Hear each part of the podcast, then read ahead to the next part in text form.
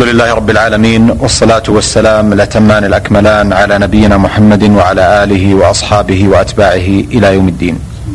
أيها الإخوة والأخوات السلام عليكم ورحمة الله وبركاته. وأهلا وسهلا بكم في هذا اللقاء الجديد من برنامجكم الأسبوعي في موكب الدعوة.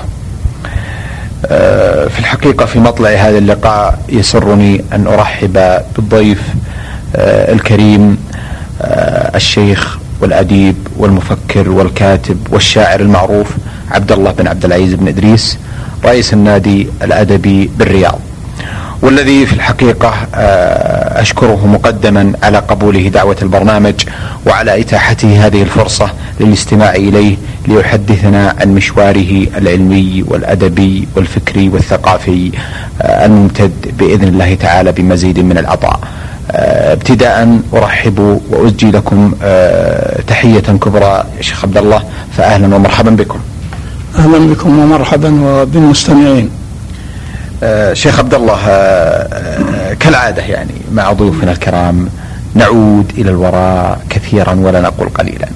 لنستمع إلى البدايات الأولى مسقط رأس الشيخ عبد الله كما يقولون وبدايته الأولى ونشأته أين كانت؟ بسم الله الرحمن الرحيم. الحمد لله والصلاة والسلام على سيدنا رسول الله وعلى آله وأصحابه أجمعين. آه طبعا مسقط الرأس هو بلدة حرمة في منطقة سدير عام آه تسعة وأربعين وثلاثمائة وألف هذا حسب البطاقة الشخصية. نعم. آه وتعلمت آه في في نفس البلدة في مدرسة متطورة آه، ليست آه، نظامية ولكنها آه، مطورة تطورا كثيرا عن الكتاتيب المعروفة. وبعد ما درست فيها أخذت أقرأ شيئا من الكتب التي وجدتها عند الوالد رحمه الله إذ كان طالب علم. من طلبة العلم على الشيخ عبد الله العنقري قاضي سدير وشيخها وعالمها المعروف.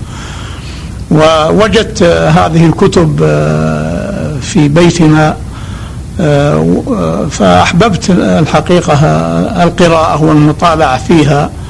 ومن هنا نشأت عندي الرغبة وحب القراءة. من صغري يعني وأعتقد انه من حدود يمكن ما بين الثامنة إلى العاشرة من عمري آه، بدأت أقرأ في آه، هذه الكتب وأذكر من جملتها آه، مجموعة الحديث النجدية وبلوغ المرام ولطائف المعارف و الآج الرومية في النحو والتبصرة وكتب أخرى نسيت بعضها. آه، هذه كانت موجودة طبعا على قلتها إلا أنني كنت محبا للقراءة فيها وقرأت فيها ما شاء الله أن أقرأ وربما ساعدتني أيضا على الجسارة في أن أقرأ على الجماعة حيث رغب شيخ البلدة الشيخ عثمان بن سليمان رحمه الله آه، من والدي أن أن أكون قارئا على جماعة الجامع بين بين العشاءين كالعادة المتبعة في القرى وفي غيرها حتى المدن آه، يقرؤون عادة في بعض الكتب. آه، بين العشاءين حتى تقام صلاة العشاء ثم تنتهي الصلاة ويذهب الجميع إلى بيوتهم. فكنت أقرأ في آه، كتب مثل رياض الصالحين وكتاب الترغيب والترهيب وغيرها وغيرهما من الكتب على جماعة المسجد. وهذا أعتقد أنه ساعدني في طلاقة اللسان وفي آه، ربما يعني عدم الخوف من الجماعة أو عدم الخوف من الحاضرين بحيث أنني آه، أصبحت آه، قارئا معروفا عند الجماعة. ومن هنا آه، رغب الشيخ عثمان بن سليمان أن أتعلم المزيد. فأشار على والدي وكان صديقين وأيضا عاملين كلاهما في الحسبة. هما من رجال الشيخ عثمان بن سليمان.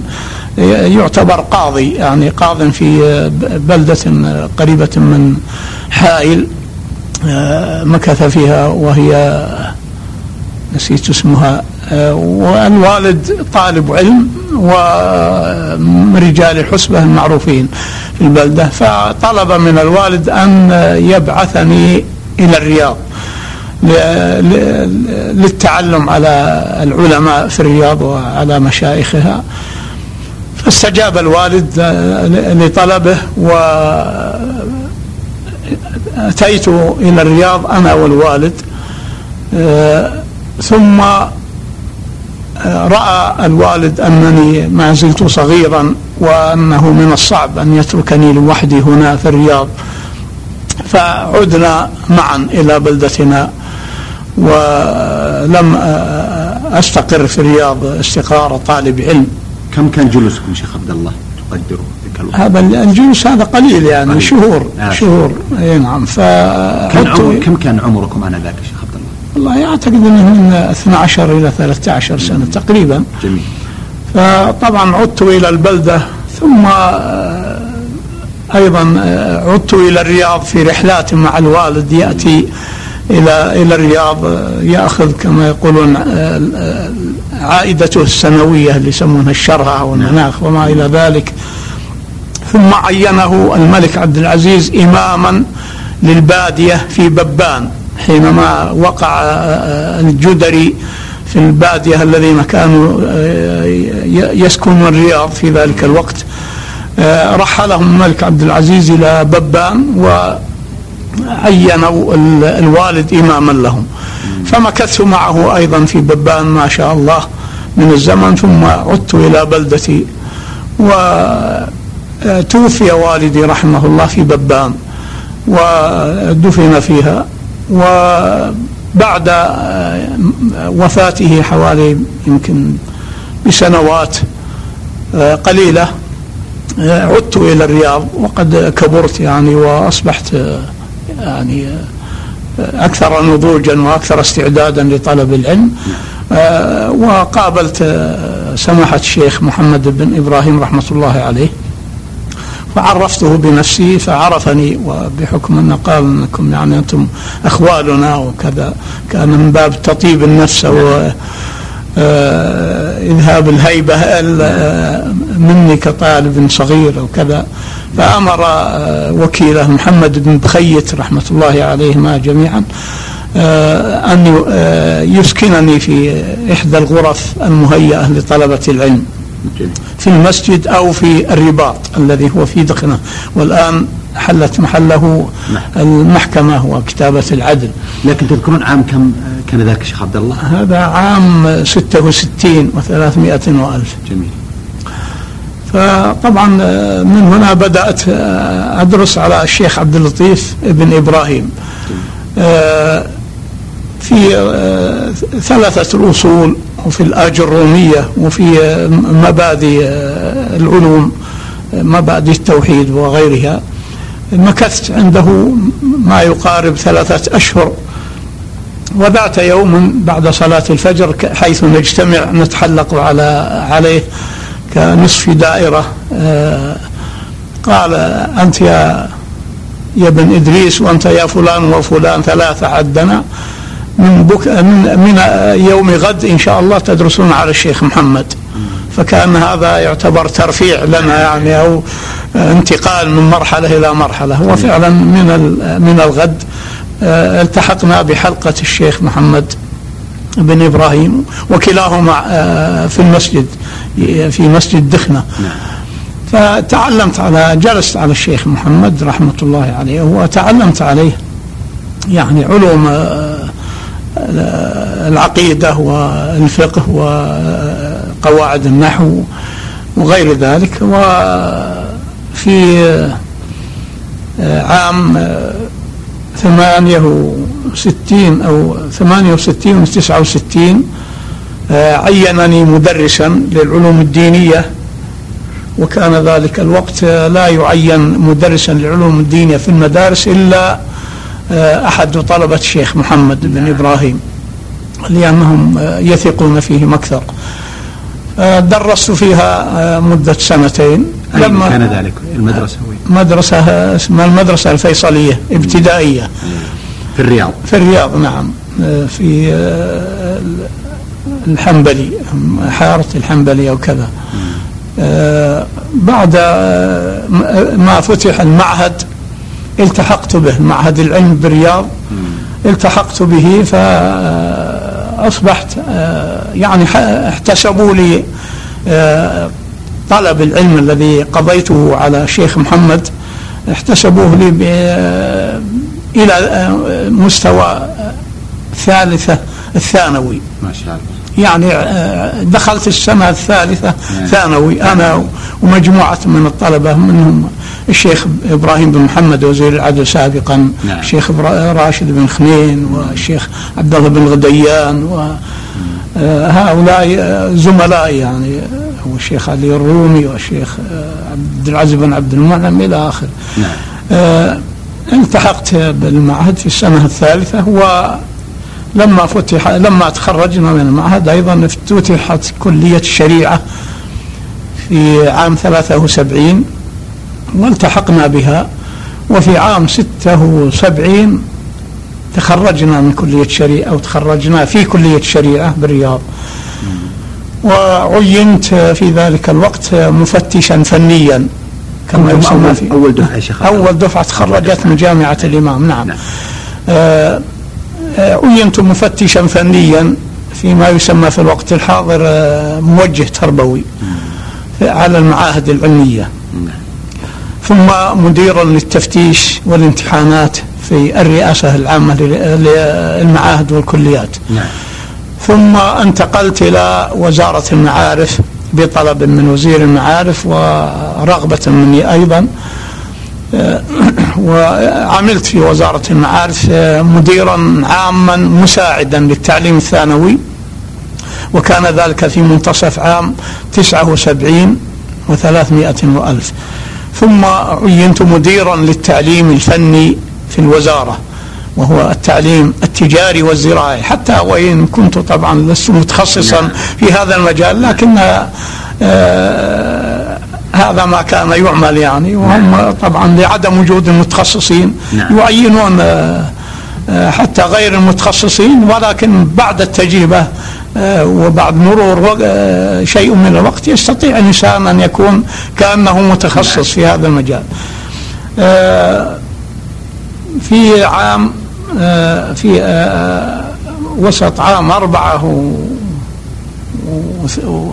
أربعة وثمانين آه، طلب الشيخ محمد بن إبراهيم رحمه الله من الملك فيصل إصدار صحيفة الدعوة أو أو امتياز صحيفة الدعوة. فوافق الملك فيصل على منحه صحيفة الدعوة. فطلب الشيخ محمد إبراهيم آه، من الشيخ حسن بن عبد الله آل الشيخ وزير المعارف آه، رحمهم الله أن آه، يعير خدماتي للمؤسسة. فوافق الشيخ حسن بعد موافقتي يعني رأى شاورني في الموضوع فقلت ما عندي مانع لأني كنت في ذلك الوقت ينظر إلي نظرة آه، يعني فيها شيء من الشك. هل أنا آه، يعني مخلص وموالي أم أنا آه، قومي كما يزعم بعضهم؟ زعموا أنني من القوميين يعني. من هنا أحببت أن أقطع الشك باليقين وأن يعرفوا أنني والحمد لله ما زلت ولن أزال إن شاء الله سائرا على الحق والدين. ف التحقت بمؤسسة الدعوة الإسلامية ورتبت لها حتى صدرت وكنت رئيسا لتحريرها لمدة سبع سنوات ومديرا عاما للمؤسسة أيضا. بعد ست سنوات آه، لمدة ست سنوات حيث كانت السنة الأولى آه، رئيسا للتحرير فقط. وفي السنة الثانية استقال مدير عام المؤسسة فعينني الشيخ محمد آه، مديرا عاما للمؤسسة إلى جانب عملي رئيسا للتحرير. مكثت في رئاسة تحرير الدعوة آه، سبع سنوات آه، أو إلى إلى ما يقارب ثمان سنوات. بإعارة طبعا أو تمديد الإعارة من مجلس الوزراء مرتين. ثم طلبوا أن أتفرغ بعد ما انتهت مدة الإعارة. طلبوا مني أن أتفرغ إلى الدعوة. فرفضت ذلك لأنني لأن المؤسسات لا ليس العيش فيها مضمونا والإنسان يبحث عن وسائل رزقه. فقلت لا أنا سوف أعود إلى وزارة المعارف وعدت إلى الوزارة فعينت أمينا عاما للمجلس الأعلى للعلوم والفنون والآداب. ووضعت مع الدكتور عبد العزيز الفدا وكيل وزارة المعارف حين ذاك نظام آه، النظام الأساسي للمجلس الأعلى وأقره آه، مجلس الوزراء وصدر فيه مرسوم ملكي وبدأت أعمل في في هذا المجلس أو أريد أن يظهر العمل جليا. وطبعا تعثر الوضع فيه. فلما جاء في عام 96 آه، طلب مدير جامعة الإمام محمد بن سعود الدكتور عبد التركي طلب انتقالي إلى الجامعة. فانتقلت إلى الجامعة وتعينت أمينا عاما للجامعة لمدة ستة أشهر ريثما يصدر قرار بتعيين آه، الأمين العام الثابت. نعم. يعني أن كنت أمينا عاما مؤقتا لمدة ستة أشهر. ثم صرت مديرا للبعثات وللثقافة ثم مديرا للثقافة والنشر مديرا عاما للثقافة والنشر آه، وعضوا في المجلس العلمي للجامعة حتى تقاعدت عام 1409 آه هذا هو باختصار هو العمل آه الوظيفي يعني. أحسنتم يا شيخ عبد الله. آه هذه المحطات المهمة آه، كلها سنحاول إن شاء الله تعالى أن نأتي على شيء منها في وقفات متأنية لنأخذ آه، الكثير من آه، تجربتكم فيها. لكن يا شيخ عبد الله آه، أعود إلى إلى سالف ما تفضلتم به انفا. ذكرتم قبل قليل العديد من الشخصيات التي تناولتموها ذكرا بدءا بالشيخ عبد اللطيف الذي تلقيتم عنه العلم والشيخ عثمان بن سليمان ذكرتموه ووالدكم عليه رحمة الله الشيخ محمد إبراهيم أيضا الشيخ عبد اللطيف إبراهيم. هذه الشخصيات آه، كان لها كما يبدو تأثير على حياتكم. هل ممكن أن نستمع إلى أسماء أخرى أيضا؟ آه، كان لها أثر واضح على مجرى حياة الشيخ عبد الله بن إدريس سواء في النواحي العلمية أو الفكرية والثقافية أو الاجتماعية؟ طبعا الأسماء كثيرة. آه، خلال الدراسة في المعهد العلمي ثم في كلية الشريعة طبعا تعاقب علينا عدد من كبار العلماء وفطاحل العلماء السعوديين والمصريين والسوريين وغيرهم. فكان من علمائنا الأجلاء الذين الذين درست عليهم أو درسنا عليهم كمجموعة طلبة سماحة الشيخ عبد العزيز بن باز رحمة الله عليه والشيخ عبد الرحمن الأفريقي في الحديث. الشيخ بن باز درسنا عليه الفقه والعقيدة. والشيخ عبد الرحمن الأفريقي درسنا عليه علم الحديث ومصطلح الحديث. والشيخ الدكتور يوسف عمر أستاذنا في النحو والدكتور عبد اللطيف سرحان أستاذنا في البلاغة والبديع والبيان والأستاذ الدكتور آه، عبد المنعم النمر والدكتور محمد نايل وعدد آه، كبير آه، يعني لا أذكر منهم إلا إلا قلة يعني. على مر الزمن نسيت الأسماء. هؤلاء لا شك أنهم أثروا حياتنا. بعلمهم وثقافتهم وتدريسهم لنا الذي ولا أنسى أن أذكر العلامة الجليل الشيخ محمد الأمين الشنقيطي رحمة الله عليه هذا الذي نصفه بأنه موسوعة متنقلة. هذا كان عالما جليلا وكان يدرسنا علم التفسير. وكنا نرتاح إلى جلسته كل الارتياح كما نرتاح إلى جلسات بعض العلماء أكثر من من بعض حسب أمزجة الشباب وأحاديثهم التي يريدون أن وآرائهم التي يريدون أن يدلوا بها في أوضاع الحياة العربية في ذلك الوقت.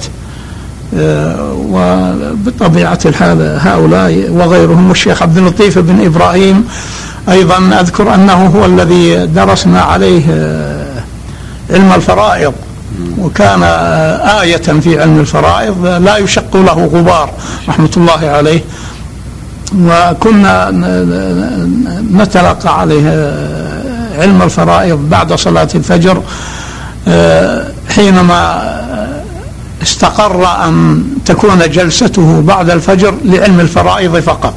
كان قبلا في الأزمنة في السنوات الماضية يدرس مبادئ الأصول أصول الدين ومبادئ القواعد اللغة. في السنوات الأخيرة أصبح متفرغا لتعليم الفرائض علم الفرائض. وكنا ندرس علم الفرائض عليه و طبعا هو من مثل ما قلت آنفا من الفطاحل الذين يعدون على الأصابع في علم الفرائض رحمة الله عليه. أحسنتم. شيخ عبد الله أيضا آه، في ثنايا حديثكم جاء ذكر لبعض الزملاء والأقران الذين رافقوكم خلال المشوار. العلمي سواء في بدايات مرحلة الطلب أو في آه، المراحل آه، دراستكم في المعهد العلمي أو في كلية الشريعة. هل ممكن أن نستمع إلى مزيد من تلك الأسماء التي آه، فعلا تشعرون بقربهم منكم فكرا وسلوكا؟ والله الأسماء كثيرة يعني. قصدك الذين نحن وإياهم في فصل واحد ولا أو زمانها امتدت يعني إيه؟ يعني يعني يوصفون بمصطلح الصداقة يعني. إيه نعم. كثيرون طبعا. هم كل الزملاء عبارة عن أصدقاء لا شك أن أنهم أصدقاء و محبون. أنا أحبهم كثيرا وهم كذلك يبادلون المحبة وطبعا هناك شيء من التقصير في الزيارات وهذا شيء يؤسف له. لكن العلاقة يعني ما زالت علاقة رائعة جدا يعني فيما بيننا من حيث المحبة وعند التلاقي كيف أن بعضنا يكاد يعني يلتف على صديقه من من شدة الشوق إليه وأنه كيف أنه غاب عنه هذه المدة ولم يره ونحو ذلك من العلاقات. فلا شك أن أن العلاقات مع الزملاء كانت علاقات طيبة وجيدة وأذكر منهم من الزملاء الذين لم أذكرهم الشيخ زيد بن فياض ورحمه الله الشيخ محمد بن تخيل والشيخ عبد الملك بن عمر آل الشيخ والشيخ سعد بن إسحاق والشيخ عبد الرحمن بن سحمان والشيخ علي الضالع والشيخ محمد بن والشيخ منصور الدخيل ومجموعة نعم. مجموعة وهنا أيضا في آه، كلية اللغة وهم جيران لنا أيضا منهم الأصدقاء آه، عمران العمران ومنهم آه، عبد الله الحميدي ومنهم عدد كبير محمد نعم. الشويع وغيرهم وغيرهم أحسنتم الشيخ عبد الله آه شيخ عبد الله آه نعود إلى ما وعدت به آه الإخوة من المستمعين والمستمعات قبل قليل أن نتوقف عند محطات حياتكم آه المهمة. آه المعاهد والكليات التي كانت تعرف بهذا الاسم والتي كانت نواة مهمة آه للتعليم العالي في المملكة العربية السعودية بذرة أولى لجامعة الإمام محمد بن سعود الإسلامية هذا الصرح الشامخ الآن المقام الآن. آه، كنت من أوائل من التحق به وتخرج منها وعمل فيها أيضا. ما هي مرئياتكم عن تلك المعاهد والكليات ونشأتها وكيف كانت أو كيف كان أثرها السابق واللاحق بعد ذلك لهذه الجامعة؟ وما أسباب هذا أو هذا النجاح وتلكم البركة التي حظيت بها واقترنت معها؟ والله جامعة الإمام مثل ما قلنا المعهد العلمي بالرياض كان هو النواة الأولى لهذه الجامعة. وطبعا كان في فيها الخير والبركة والعلم والثقافة التي تولدت من طبعا علوم الشريعة والاحتفاء بها وأيضا تولدت من خلال النشاطات الأدبية والثقافية التي جاءت على هامش الدراسة. ومثالا على ذلك هناك نادي اسمه النادي الأدبي في المعهد. ثم صار النادي الأدبي للمعاهد والكليات أو للمعهد والكليات. وكان الشيخ حمد الجاسر رحمه الله آه، أيضا هو مساعد الشيخ عبد اللطيف بن إبراهيم في إدارة المعاهد. العلمية والكليات ثم صار عميدا أو مديرا لكليتي الشريعة واللغة العربية وكان آه، يدرسنا يعني يقتنص من وقته آه، بعض الفترات فيأتينا ليدرسنا شيئا من آه، من الإنشاء والإملاء والكتابة التي يحرضنا على عليها حتى بدأنا في الحقيقة نستطيع أن نكتب وأن يعني أن نصور التجارب الشعورية التي نعيشها في دواخل أنفسنا كتابة على الورق. و لا شك أن أن هذه المعاهد أثمرت ثمارا ناضجة وجيدة جدا وجامعة الإمام لا شك أنها من أكبر الروافد التي رفدت الثقافة والعلم والفكر في المملكة العربية السعودية وفي العالم العربي والإسلامي حيث تتوزع آه، معاهدها آه، وكلياتها في خارج المملكة حيث آه، تبلغ العشرات من المعاهد في خارج المملكة وطبعا هذه كلها بذرة خير توزعت وانتشرت في جميع أقطار العالم. هذه الجامعة لا شك أنها أن دورها في الحركة الثقافية والأدبية دور مميز. وقبل وجود هذه الجامعة ما كان هناك يعني أدب واضح أو فكر واضح خاصة في منطقة نجد. آه، وإنما المعهد ثم ما تفرع عنه من آه، الكليات آه، هي التي عمرت النفوس والأذهان والأفكار بالتطور الذي حصل من خلال العلم والثقافة التي تلاقوها ما بين مقاعد الدراسة وما بين القراءات الحرة التي آه، كنا نقرأها وكنا في ذلك الوقت آه، لا يشغلنا شاغل عن الدراسة. آه، ما ما هناك حتى التلفاز لا يوجد ولا عندنا شيء يشغلنا. فكنا نذاكر دروسنا ليلا ونهارا ونجتهد فيها. ونقرأ بالإضافة إلى دروسنا كل ما يقع تحت أيدينا ومن جرائد أو مجلات أو كتب أو غير ذلك. فثقفنا أنفسنا بأنفسنا آه، يعني بدافع ذاتي ليس بدافع من أحد وإن وإنما دافع ذاتي محض آه، هذا ما ما يعني ما حصل.